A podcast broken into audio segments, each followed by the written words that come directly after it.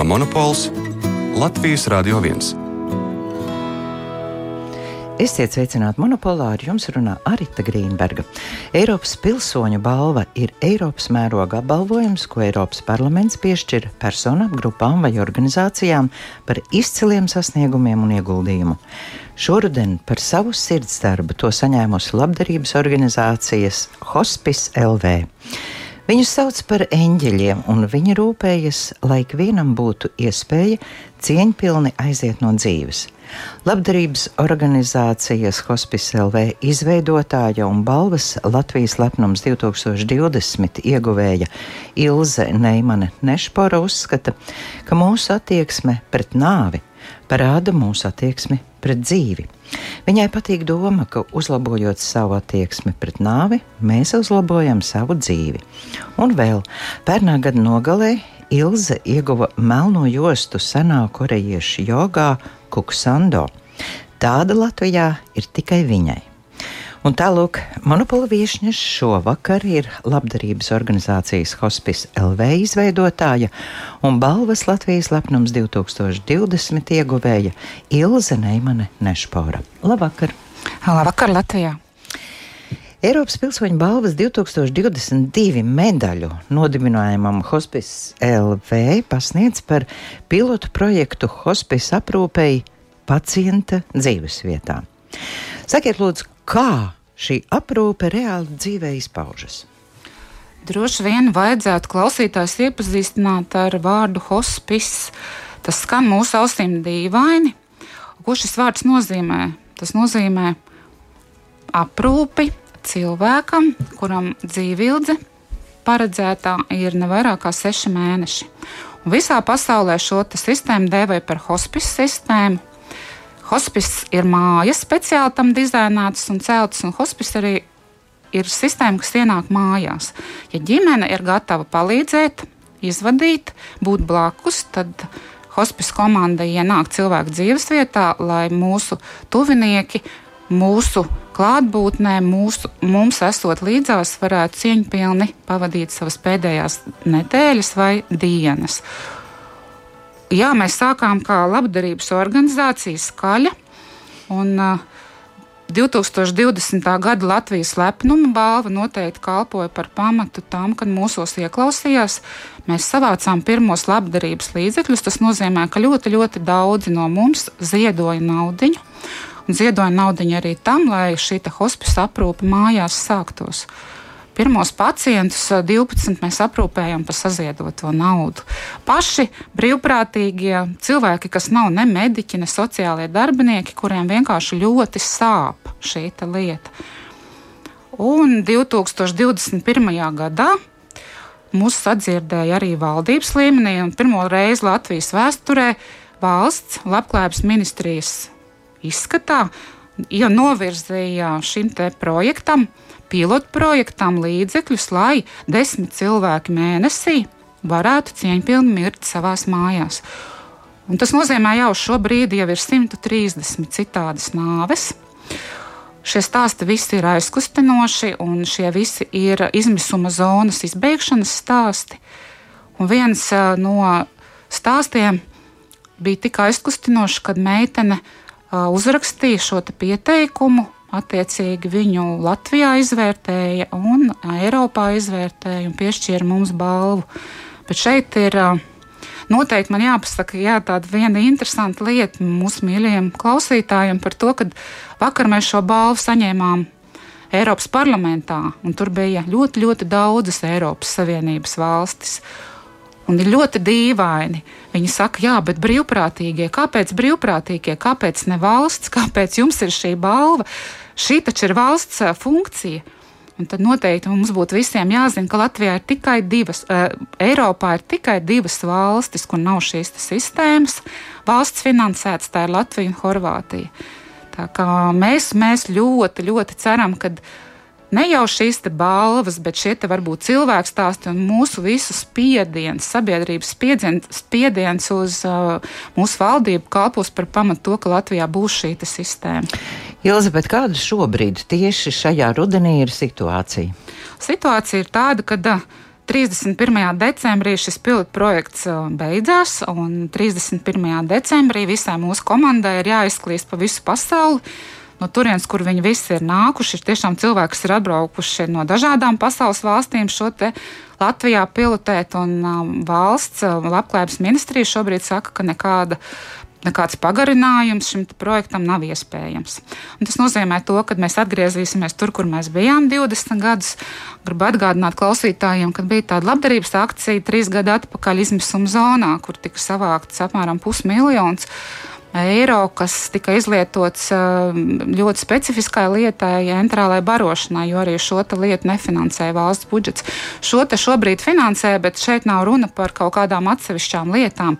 Hospice tā ir sistēma, tā ir, tā ir tieši tāda pati sistēma kā veselības, tā ir tieši tāda pati sistēma kā dzemdniecība. Šeit ir ļoti skaista analoģija, manuprāt, kad arī dzemdēt mēs taču varētu mājās, tā taču arī ir dabīga lieta.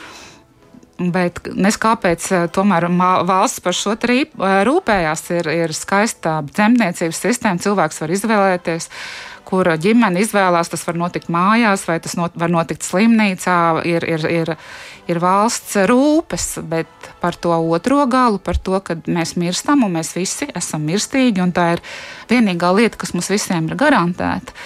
Tad eh, par tā šo ir vienīgā lieta, kas ir apsolīta. Apsolīta, garantēta, jā, un par šo Par šo nav rūpju. Un, uh, es domāju, ka mums katrā ģimenē ir šis izmisuma zonas stāsts. Tas ir vienkārši tāpēc, ka nav šādas sistēmas. Mēs pat nevaram iedomāties, kā varētu būt, kādi varētu būt šie mūsu tuvinieku aiziešanas stāsti. Tad, ja šī sistēma būtu. Nu, viens piemērs, jā. Uh, Mums paliatīvajās nodaļās pacients var uzturēties 7 līdz 10 dienas. Tas nav noslēpums, ir rindas. Rindā ir jāgaida vēl divi mēneši. Tas nozīmē, ka ļoti daudz nomirst šajā Nesagaida. Nesagaidot šo pakalpojumu, jā, tad ir šīs laimīgās dienas slimnīcā, un kas notiek pēc tam? Pēc tam ir jāmaksā 140 eiro dienā, jeb, jeb tas sanāk 4200 mēnesī. Kā mēs šādu līdzekļu, jā, tas ir milzīgs jautājums. Pretējā gadījumā cilvēks ar, ar stomām, ar, ar, ar sistēmām tiek vests mājās tur, kur tuvinieki ir izmisuši, tur, kur neviens nesaprot, kā aprūpēt, nesaprot, kā turpināt šo, šo, šo funkciju, un ir izmisuma zvani, tiek iesaistīta ātrā medicīniskā palīdzība. Jā, par šo gadu mēs esam izpētījuši un sapratuši daudz. Jā, bet kamēr mēs vēl esam tādi aktīvi klausītāji, ko es gribu pateikt, ka šī sistēma, mūsu pilotu projekts parāda, ka tas nav naudas jautājums, jo šī sistēma, šis rūpes un uh, uh, hospice komanda mājās valstī izmaksā divas reizes lētāk nekā tad, kad šīs sistēmas nav.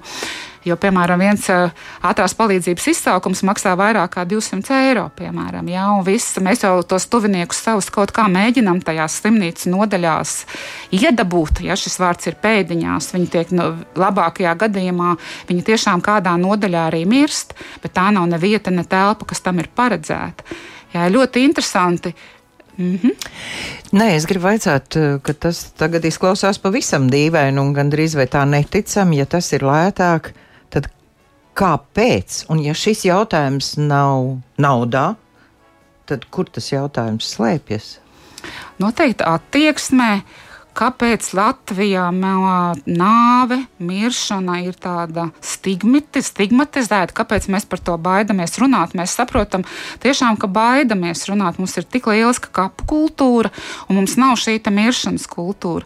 Nu, kā piemēram, mēs visi skatāmies skaistas filmas, un tur kāds mirst kādā, kādā nezinu, skaistā gultā, un kas notiek? Visi tuvinieki metās atvadīties. Vai jūs zinat kādus šādus stāstus savā pieredzē, vai jūs kādreiz esat zinājuši? Zinājuši, kad mirs eh, Zentas tante vai, vai Ernesta onkulis, vai jūs zināt, jūs vienkārši to nezināt. Ja, tas notiek un viss. Tas vienkārši tiek notiek, paziņots. Tiek paziņots. Mums nevienā slimnīcā pat nav atvadu telpas, nevienā mūsu Latvijas slimnīcā. Tādas ir citur. Pasaulē, protams, eh, hospisos ir eh, zāles, kur nomirušā ķermenis atrodas mm, pietiekošu laiku, lai visi varētu atved, atvadīties. Skan mūzika, ir ziedi un nav viss šis izmisums. Ilis, bet tur toties ir kaut kāda mazliet pretruna. Īsti es nesaprotu. Nu, tagad cilvēki, kas mūs klausās, viņi teiks, mēs mīlam savus vecos vecākus, mēs mīlam savus vecmāmiņas, vectētiņus, un vēl jau vairāk mēs negribam nonākt šādā situācijā. Nu, kā jūs teicāt, ļoti daudz jau ir nonākuši. Es arī tai skaitā esmu to uz savas ādas pieredzējusi. Bet uh, ko tad? Kur ir tā vaina? Tad ierēģņos, nu, kur ir Šo... tā vaina?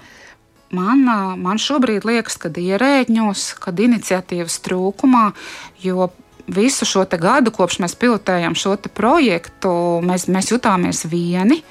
Mēs ne, nejūtām ierēģņu ieinteresētību. Tas mums jā, liekas tiešām dīvaini, kad Latvijā 20 gadu laikā mēs neesam tālāk tikuši par darba grupām, kurās tiek apspriestas definīcijas, kas ir hospice un kas ir paliatīva aprūpe, ja visā pasaulē veiksmīgi strādā šī sistēma. Un vēl viens šokējošs fakts - pastāv tāda lieta kā uh, cienījams uh, nāves indeks par to, kā ir cilvēkiem pieejama šī sistēma, šis atbalsts mirstot. Un tad starp, starp vairāk kā 150 valstīm Latvija nav pieminēta. Tur ir ļoti daudz Āfrikas valstis, un mūsu kaimiņu lietuvieši šajā sarakstā ir desmitajā vietā. Tas nozīmē, ka var, ka tas nemaksā daudz. Un, jā, es redzu ļoti lielu izbrīnu. Es tiešām esmu pilnīgi, jā, pilnīgi šokā. Es arī esmu pilnīgi šokā. šokā, jo es neesmu ne mediķis, ne sociālais darbinieks. Man vienkārši ļoti sāp šis jautājums. Es, es, es tiešām nevaru izskaidrot, kā, kādēļ Latvijā šis ir izmisuma zona. Jo mūsu nāve un aiziešana var būt pavisam citāda tad, kad atnāk šīs rūpes, kad tuvinieks var mirt mājās, ko pierāda mūsu pilotu projekts, kad atbrīvojās telpa, lai turētu roku, lai izrunātu jautājumus, lai piedotu. Tas ir tas, kas būtu jādara mums kā tuviniekiem, kad valsts paņem rūpes par primāro lietu, par medicīnu un par aprūpi. Ja nevis mēs paši mēģinam izmisuši atrast aprūpētājus, sarunāt uh, dakterus, māsas pa blatiem, mm. ja šī ir kaut kāda tāda mistiska blatu sistēma, kas Latvijā noteikti ir mums daudziem zinām, ir milzīgs jautājums, kāpēc. Mēs tagad turpināsim ar Ilgas izvēlēto mūziku un tad atkal sarunu.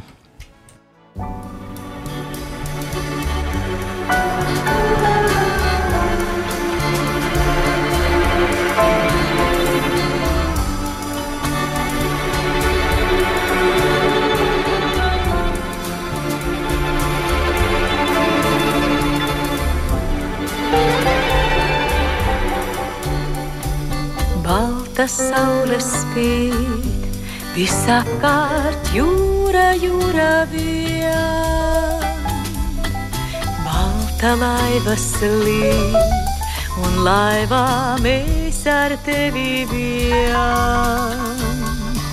Balta saule spīd, tev sejā jūras požums krīt. Balta laiva slīd bez vējas līd. Vārdi neteikti norimst uz lūpām, kā reibuši priekā. Sirds kā pirmo reiz tevi un sevi un vasaru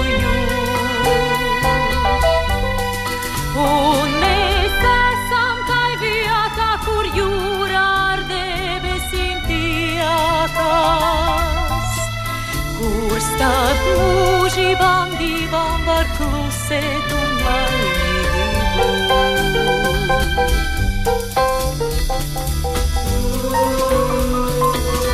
Balta saule spīd, visapkārt jūra, jūra vien. Balta laiva slīd, un laivā mēs ar tevi vien. Balta visapkārt jūras spožums skrīt. Balta laiva slīd,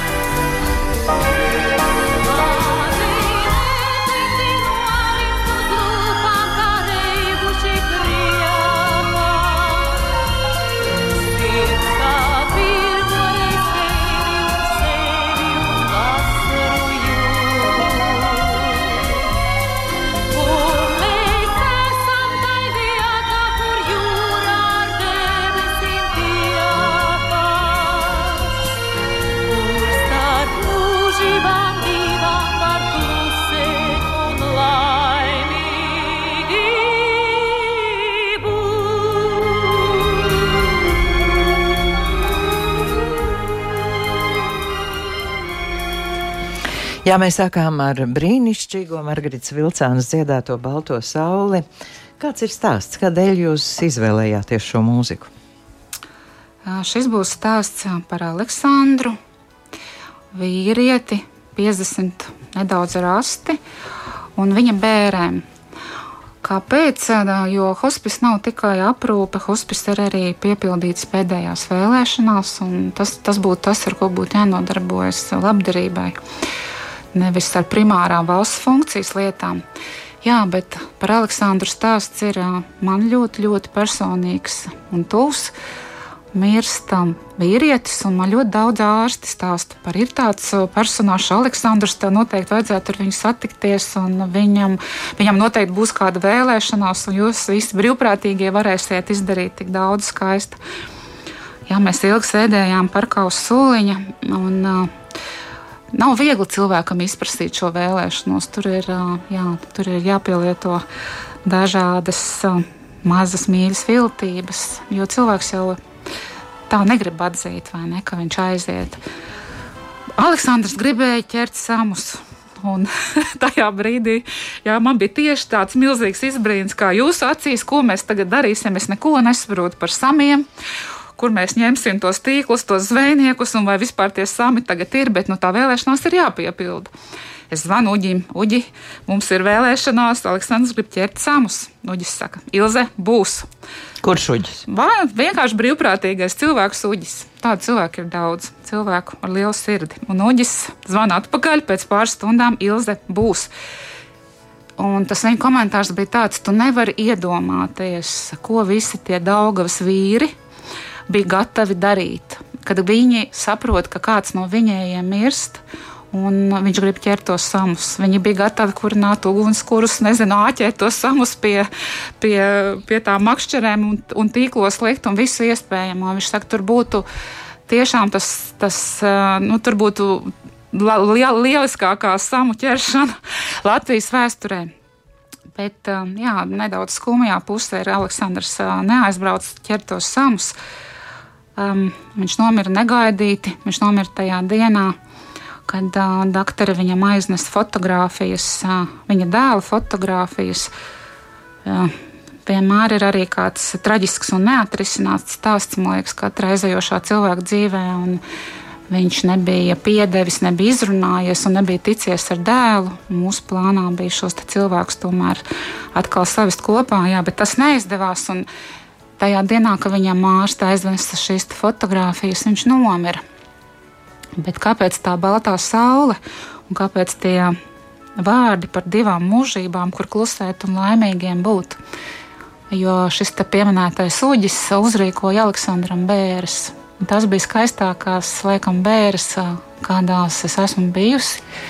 Man bija laiva, bija balta, balta saule, bija Aleksandra urna un visas Aleksandra māsiņas un visi Aleksandra doktori. Tur nebija neviena tuvinieka, bet bija visi cilvēki, kuri Aleksandra pēdējā gadā dzīves bija viņu ļoti, ļoti iemīļojuši. Un tik daudz tādu viedu un dziļu asaru un tādu patiesu mūžības klātbūtnes sajūtu es laikam neesmu jutis nevienās bērēs. Tas bija kaut kas ļoti tīrs un patiess, un mācītāju vārdi un sveces balta, balta saule un Aleksandra pelni Daugavā. Jā, tas tie ir arī hospisa stāsti. Nu jā, bet uh, jūs jau arī, man liekas, minējāt to skaitli, cik jūs esat daudz šādus cilvēkus pavadījuši, bu, bijuši klātesoši. Kā to visu var laist personiski caur sevi, jo tas, ko jūs tagad stāstījāt, nu, tas ir jūsu, arī viens no jūsu dzīves stāstiem. Noteikti, jā. Vai Ilze pašai nav tas smagums tā par daudz sakrājies?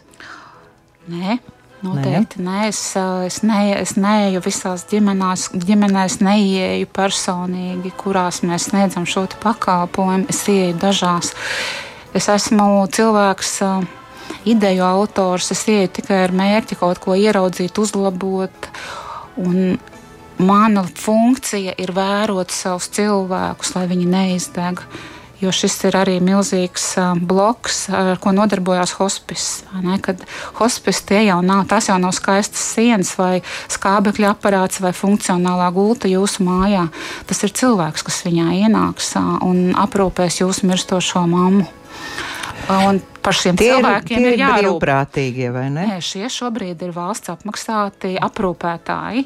Uh, un šis pakalpojums, jā, kā mēs sarunas sākumā jau noskaidrojām, viņš tūlīt beigsies. Un mēs gribam, lai valsts par to maksā un lai ienāk šie viedie, šie cilvēki, šie eņģeļi, kuri, kuri ir atrasti, šī komanda ir nokomplektēta. Un... Cik tie cilvēki ir apmēram? Šobrīd 21 cilvēks ir mūsu kolektīvā, tie ir aprūpētāji, māsas, ārsti. Medicīnas darbinieki cilvēki. Viņi arī zina, kas jādara. Viņi, tā, tā ir sistēma, ir aprūpe, un tad ir medicīna, kas to visu uzrauga. Jo tos cilvēkus jau vairs neārstē, vai ne? Tur viņus vajag atsāpināt un noņemt trauksmi. Un ir kaut kādi tiešām tie gadījumi, kad ir vajadzīgs zaļais koridors atpakaļ uz slimnīcu, kā piemēram, nezinu, atdalošais audzēja, asiņošanas un kaut kādas tādas lietas, bet tie ir reti gadījumi. Parasti cilvēkam pie noregulēta procesa miršana notiek rāmi, lēnām, un mēs runājam par tādu mierpilnu nāvi, kas ir šīs sistēmas uzdevums un mērķis nodrošināt cilvēkam mierpilnu nāvi, un klients nav tikai mirstošais klients ir ģimene. Un tad ir visa šī psihoemocionālā palīdzība, ko nodrošina kapelāni, psihologi un arī psihiatri. Jā, protams, mums ir arī pacienti, kuri, kuri ir miruši un kuriem ir palikuši mazi bērni.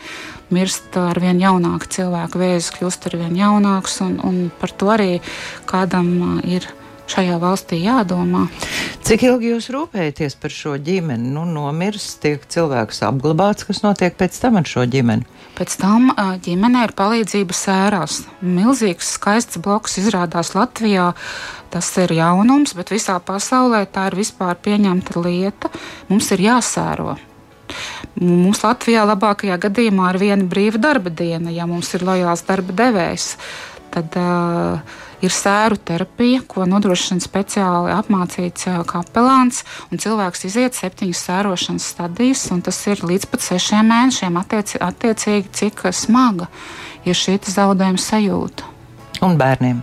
Mazajiem. Un bērniem, un bērniem mazajiem. Jā, mums tur citu jābūs eglīte drīz. Tiem, uh, Mūsu hospice mājā būs eglīte bērniem, kuriem kāds no vecākiem šogad ir miris mūsu mūsu hospisa aprūpē. Es skatījos Facebook, tur bija arī materiāls, ka jūs bijāt uh, sarīkojuši kādu muzikālu pasākumu, kādus svētkus. Tā bija. Jā, mēs gribam noņemt stigmu un pateikt, ka mirstošais cilvēks vēl ir ļoti, ļoti dzīves. Līdz pēdējai elpai viņš ir tikpat dzīves kā mēs ar jums. Viņš vēl grib Viņš, viņš vēl grib kādu gardumu, viņš grib dzirdēt mūziku, viņam visi maņu orgāni darbojās. Un eh, par šo te eh, mums visiem kopā būtu jāparūpējas. Mums liekas ļoti skaista lieta, ka mēs nākam iekšā slimnīcās ar, ar tādu lietu kā svētku galds. Kas tas ir? Man liekas, tas ir Atslēgas vārds ir izvēle, ka tu ienāc palātā un piedāvā, bet mums ir kafija un saldējums balts vai šokolādes, vai ķilo maizīte vai laša maizīte. Maziņa, lai var sagramot, lai neaizrijās, lai nav šīs visas blaknes. Un tas šoks, un tas mirdzums un tā asara acīs ir par to, ka tam cilvēkam jau neviens sen neprasa, vai neko viņš vispār grib privātums uh, vispār neeksistē. Cilvēki tā arī mirst istabiņās pa seši, un tuviniekiem tur nav vietas. Tuvinieks slimnīcā nav aicināts un gaidīts. Es vienmēr atceros tā, to izmisumu, ka tu meklē kādu ķebli.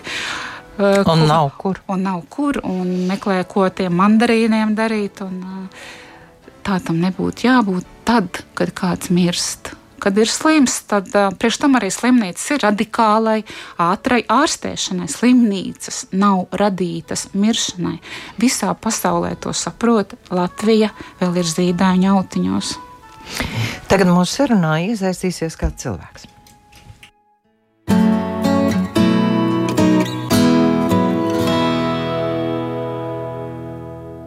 Labdien, radio monopols!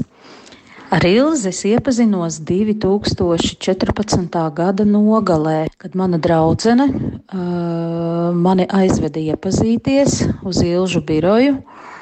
Un tā doma viņai bija tāda, viņa saka, zini, tev šobrīd ir daudz brīva laika, bet tur tādā vienā manā pazīstamā foršā birojā ir vajadzīgs darbinieks. Nu, un tā mēs aizgājām un tā mēs iepazināmies. Nu, man tā uzreiz bija tāda sajūta, jau runājot gan ar Ilzi Neimani Nešporu, gan ar Ilzi Zosuli, mm, ka tās meitenes ir tādas, jā, īpašas. Nu, tā enerģētika tur bija jūtama. Jā. Visādi man tur gāja, bet uh, katrā gadījumā es nenožēloju nevienu brīdi, nevienu dienu, ka es tur biju. Es iepazinos ar šiem cilvēkiem un es daudz ko arī iemācījos priekš sevis. Par spilgtām kopīgām atmiņām. Nu, es nezinu, es nevaru izdalīt vienu tādu kaut kādu spilgtāku notikumu vai ko, jo man liekas, ka katru dienu tur bija kaut kas tāds, kas, nu, kas varēja būt attiecināms uz tādu kaut ko neordinārāku varbūt. Jā, nu Ilze jau vispār ir tāda spilgta, viņai jau tā grūti viņu neievērot, viņa tāda ir, jā. Vai nu viņa pateiks kaut ko, jā, vai kāds žests būs, vai vēl kaut kas, bet katrā gadījumā, nu no viņas tā enerģija strāvo vienkārši maksimumā. Jā, nu kā profesionāls pilnīgi noteikti, viņa ir profesionāla, ļoti darba spējīga, ģenerē idejas un tic tam, ko dara.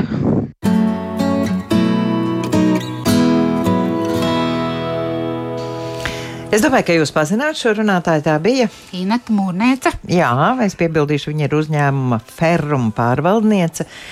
Un eh, Rekā Ineta saka arī par to jūsu enerģiju un visticamāk tad, kad jūs dodat to enerģiju, un to var just, to es arī blakus sēdot jūtu. Uh, Kaut kur jau tā enerģija ir jāņem, un es te mazliet arī ievadā pieminēju, ka jūs esat ieguvusi melno jostu cenā korejiešu jogā Kukas Sando. Vai jūs būtu ar mieru izstāstīt, kas tas īsti ir?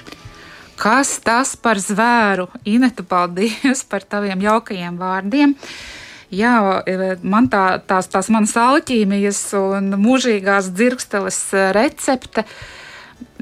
Jā, man arī pašai briežiem ir liels noslēpums Bet kuksando, jā, mīļa, ir noteikti ļoti jaudīga lieta. Un, ja man nebūtu šī hospice aktivitāte, es, es nodarbotos ar to, ka es dalītos ar šīm zināšanām.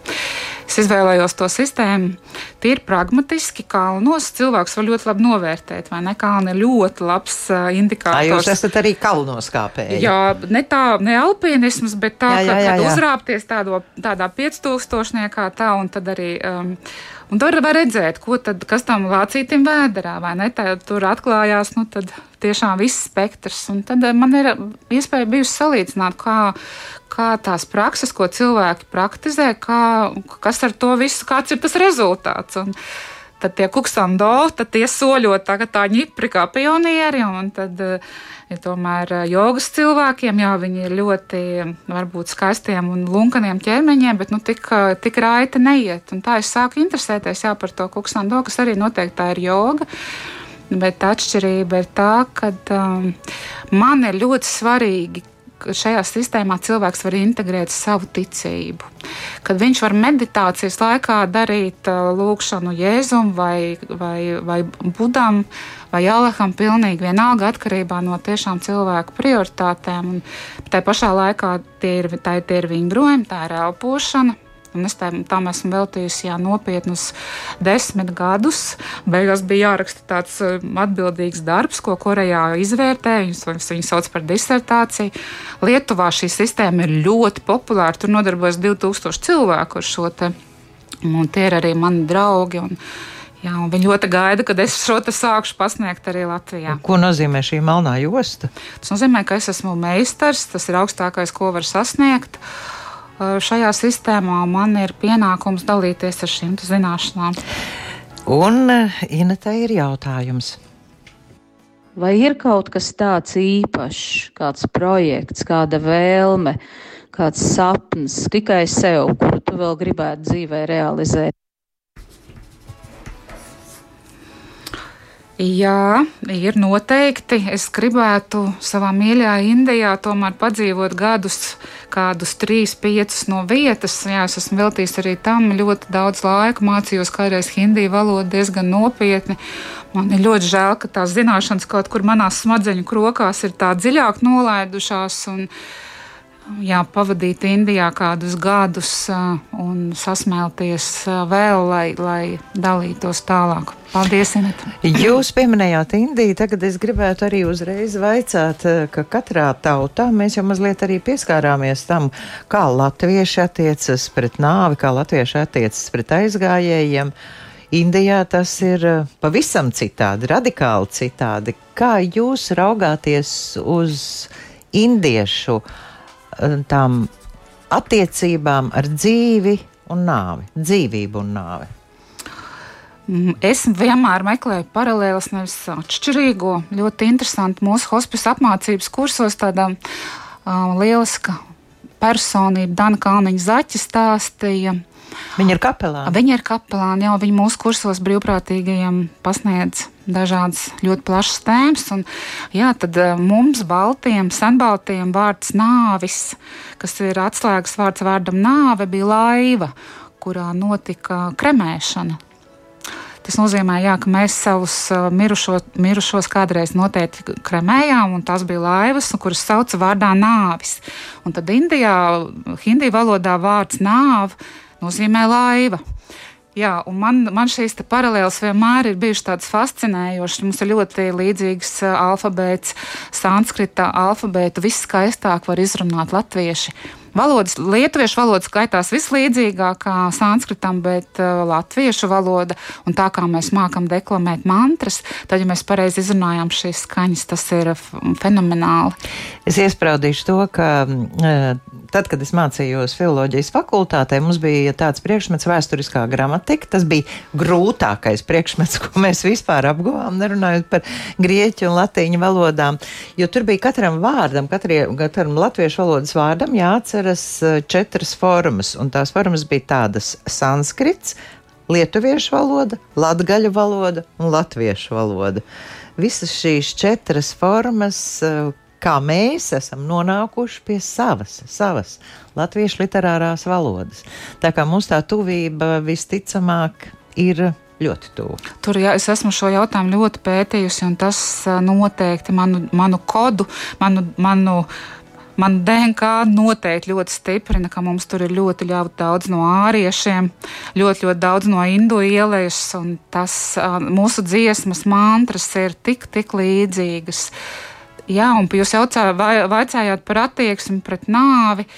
Tad, um, kas ir, uh, tas arī bija viens no iemesliem, kāpēc es šeit Latvijā noteikti sāku ar šo ļoti intensīvi nodarboties. Ir tā atšķirība, fenomenāla atšķirība pret mirstošu cilvēku. Kad, Latvijā iespundēts dzīvoklī, piektajā stāvā, savā dīvānā, izmisis un skaties vienā punktā un gaidi šo savu liktenīgo stundu. Un ir tuvinieku izmisums, un tad mm, Indijā kas neskaitās tik attīstīta valsts, ja cilvēki mirst tomēr saimē. Tā kā mēs kādreiz vēl pirms simts gadiem tuvinieku lokā, tas cilvēks tiek maksimāli vēl visur integrēts, viņš tiek stumts ārā par viņu visi rūpējās, un viņš līdz savai pēdējai stundai ir visiem ļoti aktuāls. Jā, viņš netiek ignorēts, un tas ir tik, tā atšķirība ir tik fenomenāla, ka jautājums tiešām, ko mums šī visa civilizācija ir iedevusi, mēs esam pazaudējuši tajā savu cilvēcību. Tieši tā. Brīdis mūzikai. Debesīs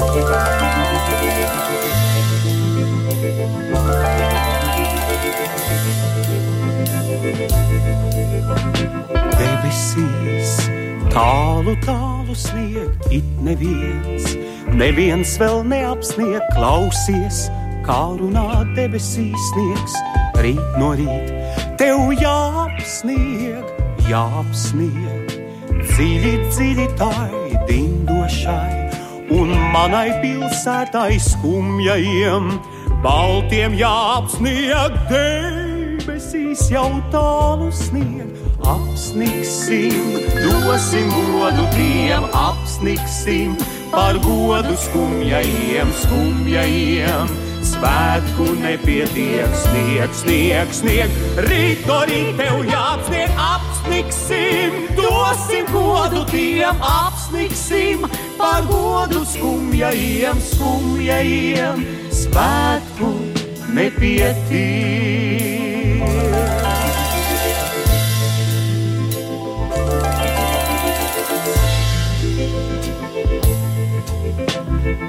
Debesīs tālu, tālu snieg, it neviens, neviens vēl neapsnieg. Klausies, kā runā debesīs sniegs, rīt no rīta tev jāapsnieg, jāapsnieg.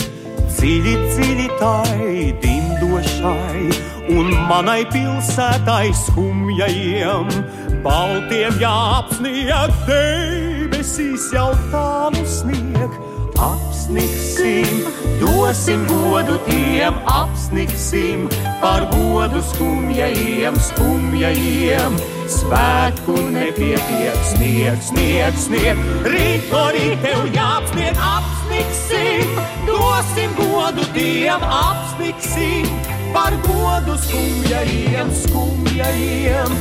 Svētku nepietiek.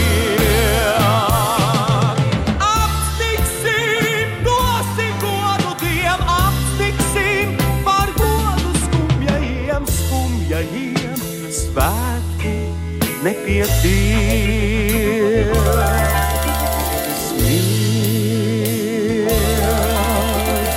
smiet.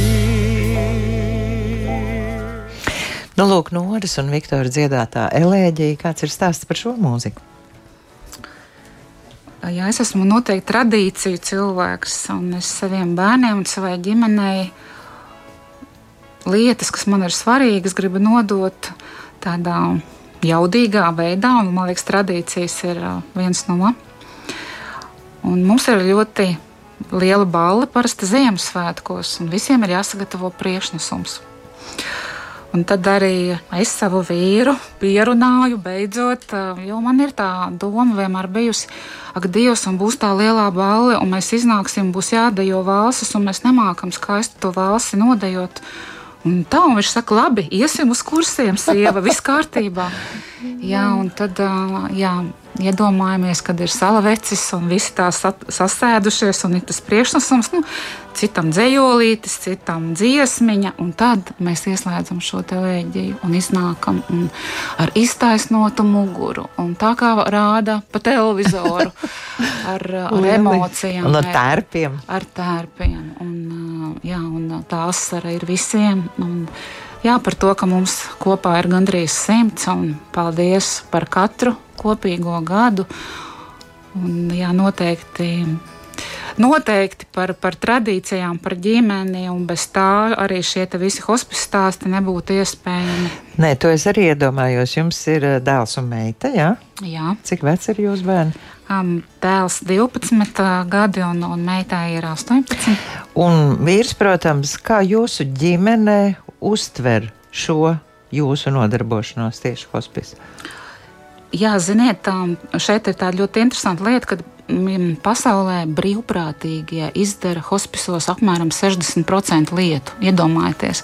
Un tas nozīmē, ka pasaulē cilvēki integrē šajā sistēmā arī bērnus, ģimenes, tie ir dārzi, tie ir, tie ir svētki, tie ir cepumi un tā tālāk. Ja šo tēmu mēs varam paturpināt, bet es savā ģimenē. Mm, uzrīkoju vienreiz mirstošam cilvēkam dārza svētkus tieši savā mājā. Man bija ļoti interesanti, kāda būs bērnu reakcija. Kā jūs to cilvēku atvedāt? Jā, tie, tie tādi, tas ir tāda milzīga lieta, jo mirstošais cilvēks viņš kaut ko vēl noteikti grib. Tas ir atsevišķs stāsts par to, ka bija gadījums, kad kungs gribēja savai, savai draudzenei, kas viņu bija aprūpējusi, sarīkot dzimšanas dienu, un lai tas notiktu dārzā. Viņš bija iespundēts savā dzīvoklī pusgadu. Tad iedomājieties tās emocijas, kad ir vasara dārzs un tas cilvēks ir dārzā. Mēs visi brīvprātīgi, un tā skaitā arī mana ģimene, rūpējamies par šiem dārza svētkiem. Un nav bērniem Kā nekāda. bērni Jā, reaģēja? tieši tā. Man arī bija interesanti, kā bērni reaģēja. Bērni reaģēja normāli. Mm -hmm. Mēs, pieaugušie, tā ir mūsu problēma. Mm -hmm. Bērni pasniedz kokteļus, bērniem tas ir absolūti, absolūti normāli. Un man meita, viņa apmeklē brīvprātīgo kursus. Tā ir arī milzīga tēma. Mēs rīkojam brīvprātīgo kursus, kuros nemācās cilvēki, lai viņi būtu brīvprātīgie. Tur mācās dažādi cilvēki, kuriem ir kāds mirstošs mājās, kuri paši ir nedziedināmi slimi. Ja valsts nenāk palīgā, tad mēs nu kaut ko darām. Mēs mācāmies vismaz, kā to lietu novadīt pašiem. Tad ir bezmaksas kursi, un vairāk kā 200 cilvēku šobrīd šos kursus ir apguvuši. Fantastiskākie lektori, nevis teorētiķi, bet praktiķi, ārsti no slimnīcām, kapelāni, psihologi, psihiatri un tā tālāk māca šo tēmu, kā būt līdzās mirstošam cilvēkam, kā palīdzēt. Jā, man meita izgāja šos, šos kursus. Jā, un viņa- 12 gadu vecumā? Nē, nē, meitai 18. Ā, Viņa meitai izgāja, ka viņai 18. bija 17, un, jā, un tad viņa vidusskolā rakstīja darbu, pat beidzot vidusskolu par paliatīvo aprūpi. Tas nozīmē, ka jauno paudzi mīļie nevajag no šī te izolēt. Viņiem ir citādi, viņiem vēl nav stigmas. Stigmu mm -hmm. radam mēs. Un vēl kāds runātājs.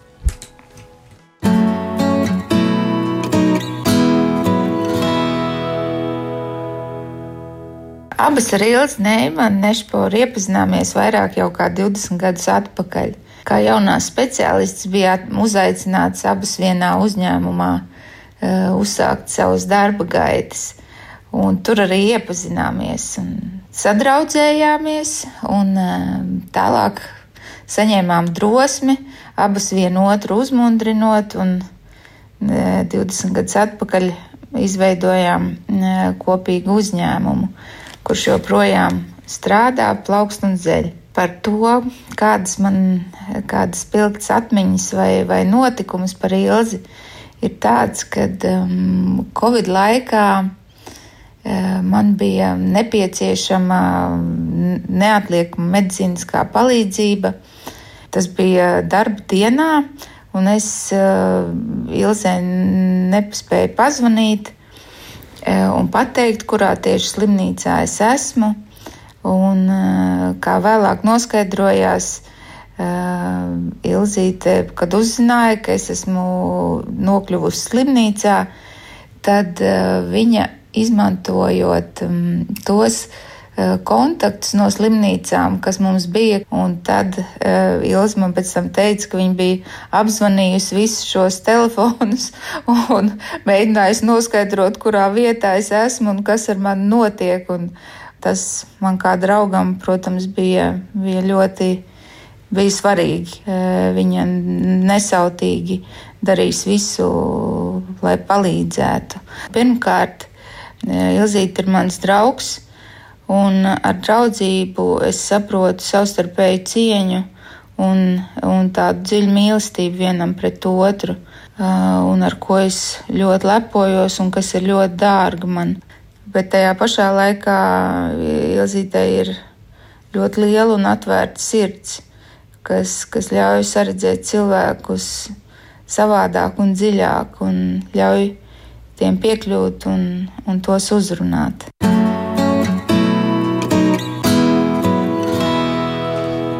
Šo saka? Šo saka man, mana māsa. Es viņu vairs nevaru saukt par draugu. Jā, jūs paldies. Es raudu. Ilze Zosula. Tad Ilze es pateikšu Zosula, uzņēmuma Neimanu un Zosulu vadītāju, jo hospice jau nav jūsu pamatdarbs. Naudu jūs pelnat pavisam citādi. Kā?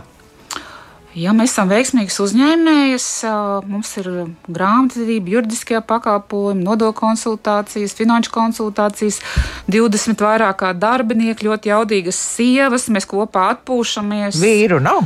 Neviena, viens mēģinājums bija, bet viņam trīcēja tik ļoti rokas, nesot kafiju. Un ir, protams, sieviešu kolektīvā vīrietim, nu, nereāli izturēt tādā. Ieskandināsim vēl kādu mūziku.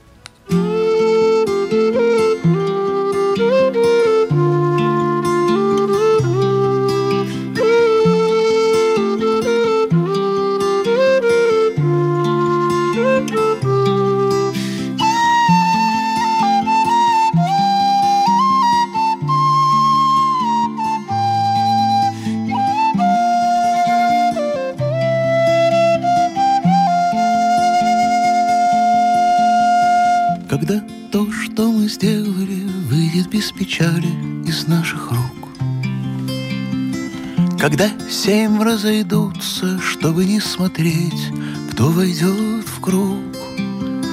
Когда белый конь узнает своих подруг. Это значит день радости — Когда звезда можжевельник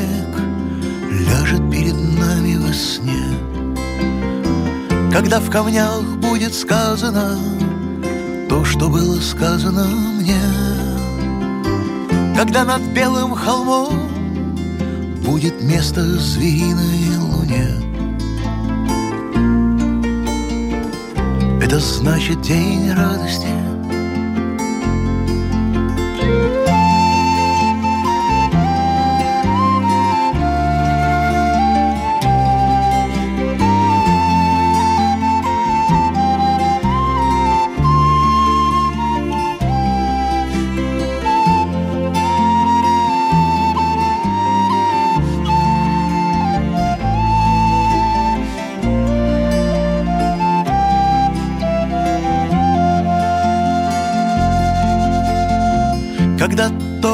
мы сделали, выйдет без печали из наших рук. Когда семь разойдутся, потому что нет кого прятаться в круг. Когда белый конь paimet и признает. Nu jā, akvārijum. Ko jūs mums gribētu pastāstīt par šo mūziku, ko mēs tagad klausāmies? Es gribu pateikt, ka uh, Ilze ir cilvēks, kurš zina tās piecas dziesmas, kuras ir jāspēlē manās bērēs. un es zinu viņas piecas dziesmas, un man liekas, tas ir stāsts par to kaut kādu citu dvēseles stīgu. Jā, ģeņa radesti. Tā ir noteikti tā lielā diena, kad mēs aiziesim. Un man liekas, ka ir tik svētīgi, kad mēs veltam tik lielu uzmanību tam, kā mēs aiziesim. Un, jā, nāve ir mūsu dzīves spogulis, un tad noteikti tas ir mans lielais ģeņa rādesti. Mums ir vēl kāds runātājs, paklausīsimies.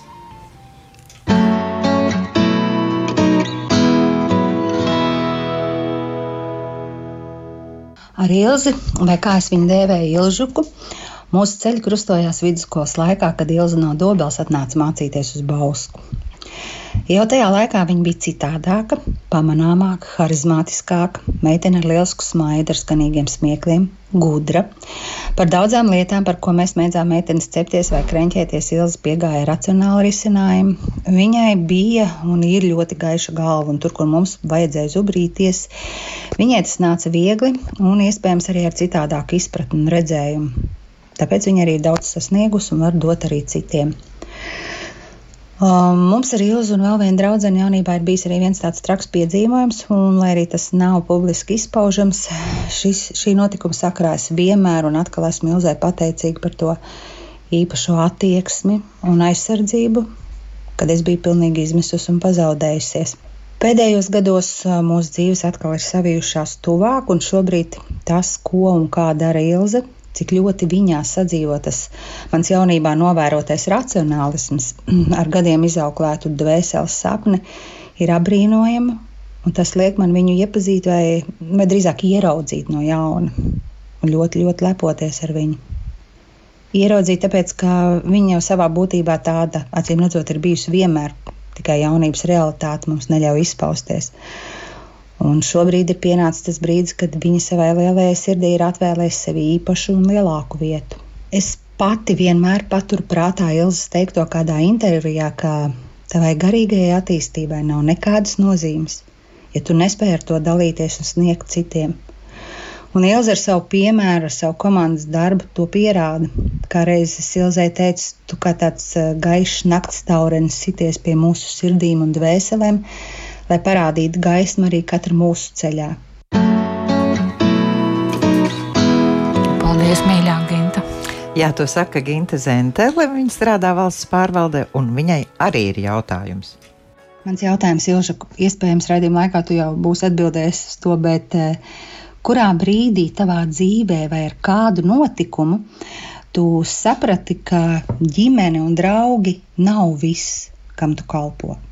Ka tagad ir pienācis brīdis paplašināt šīs robežas. Tāda brīža noteikti viena brīža nav, un uh, visi, kuram, kuriem mēs kalpojam, noteikti ir arī mana ģimene un mani draugi. Man nav vairs tādu robežu. Un paldies par, par sirsnīgajiem vārdiem, un paldies, ka tu esi daļa no šīs komandas, un tavs vīrs ir daļa no šīs komandas.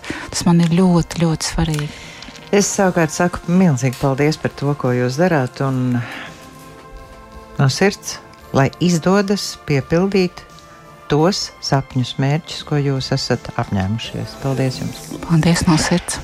Monopola viesiņa šovakar bija labdarības organizācijas Hospice LV izveidotāja un balvas Latvijas lepnums 2020 ieguvēja Ilza Neimane Nešpora. Vizītkartes sagatavoja Ieva Tīmanis, skaņa operators Mārtiņš Paeglis, mūzikas redaktora Dats Staldzēns, sarunu vadīja Arita Grīnberg. Mīļie, lai jums visiem ir jauks vakars atā!